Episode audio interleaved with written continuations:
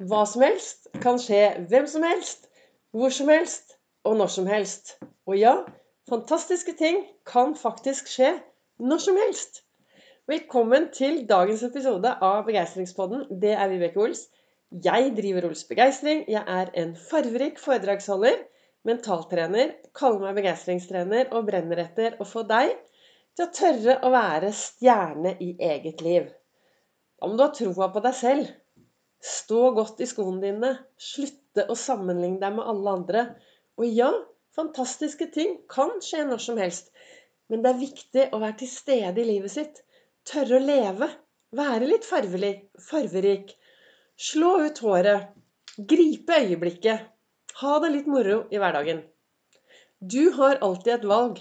Du kan sette deg ned. Sette deg godt ned på rumpa. Titte på TV-en. Spise potetgull. Drikke det du ønsker å drikke.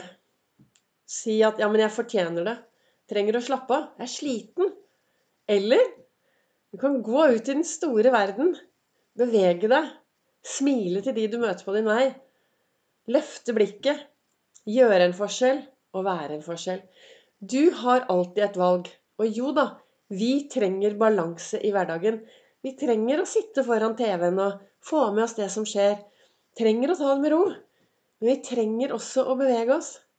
Akkurat nå så har jeg kommet meg ned til hytta, og jeg klarte altså ikke å la være å ta meg en bitte, bitte, bitte liten sykkeltur. Parkerte bilen og skulle over til fergen, og så gikk solen akkurat ned. Og så bare satte jeg meg på sykkelen, og så syklet jeg bare en bitte liten tur bort til Slevik og tilbake. Og der kom barndomsminnene, ungdomsminnene. Når jeg vokste opp, så hang jeg masse i det området. I helgene så tok vi båten bort, og så og det var så mye gode minner som dukket opp. Og så leste jeg i dag morges, så sto jeg tidlig opp, og så leste jeg i kalenderen min, og så, så står det der 'Fantastiske ting kan skje når som helst'. Og jeg tenker at fantastiske ting kan faktisk skje når som helst. Det som er viktig, er jo å ha troen, da. Å ha håpet. Og løfte blikket og tenke at vet du hva, ja, dette blir en bra dag. Dette blir bra. Jeg velger, velge, jeg velger, å være optimistisk i dag. Det er mitt valg, da. Det er mitt valg om jeg skal være optimistisk eller pessimistisk. Jeg har en fantastisk venninne som heter Anne Fjellberg. Hun er jordmor. Jevnlig så tar jeg en sjekk. Du, Anne, hvordan ligger det an? Hun er en som også har reist mye ut i den store verden og tatt imot barn. Så tar jeg denne sjekken jevnlig med henne, så spør jeg du, Anne, hvordan ligger det an? Har du tatt imot noen pessimistiske barn i det siste? Nei. Du vet, alle vi mennesker var optimistiske når vi kom inn i denne verden. Og så skjer det ting. ikke sant? Så skjer det ting med livet vårt, og så får vi masse troer, og så vokser vi opp, og så begynner vi å begrense oss selv, og så blir vi kanskje litt pessimistiske. Og så står vi der vi er i dag. Men vi har optimismen i bunn. Og jeg tenker i hvert fall at ved å ha et håp og den lille gnisten på at ja, noe fantastisk kan skje når som helst, så kan det jo skje. Det som er viktig, er i hvert fall å leve livet. Komme seg litt ut og se andre mennesker. Og det er en av de tingene som er viktig i begeistringshjulet, som består av seks deler. Det er det å være sosial. Det å være sosial kan være så lite som å løfte blikket, se de du møter på din vei, og si hei. Kom med et smil. Det er utrolig hva du kan få tilbake. Hva ønsker jeg egentlig å si i dag? Altså, det er noe med det at vi vet så lite om morgendagen. Men vi kan gripe øyeblikket i dag. Vi kan lage noen gode minner i dag. Vi kan gjøre en forskjell for folk i dag. Og vi kan ta vare på oss selv i dag. Ols-metoden som jeg bruker, som er verktøyet mitt, er jo dette med å ha gode tanker. da. God indre dialog. Være til stede. Og, og ha fokus på det som er bra i hverdagen. Når jeg jobber med med folk. Når jeg har kurs, jeg har et kurs som heter Kastlås, så gjør vi en oppgave. Og den oppgaven jeg, har jeg lyst til å fortelle litt om akkurat nå. For det, den, da, da, får du Da skjønner du litt når du bruker tiden, og hva som er viktig for deg i ditt liv.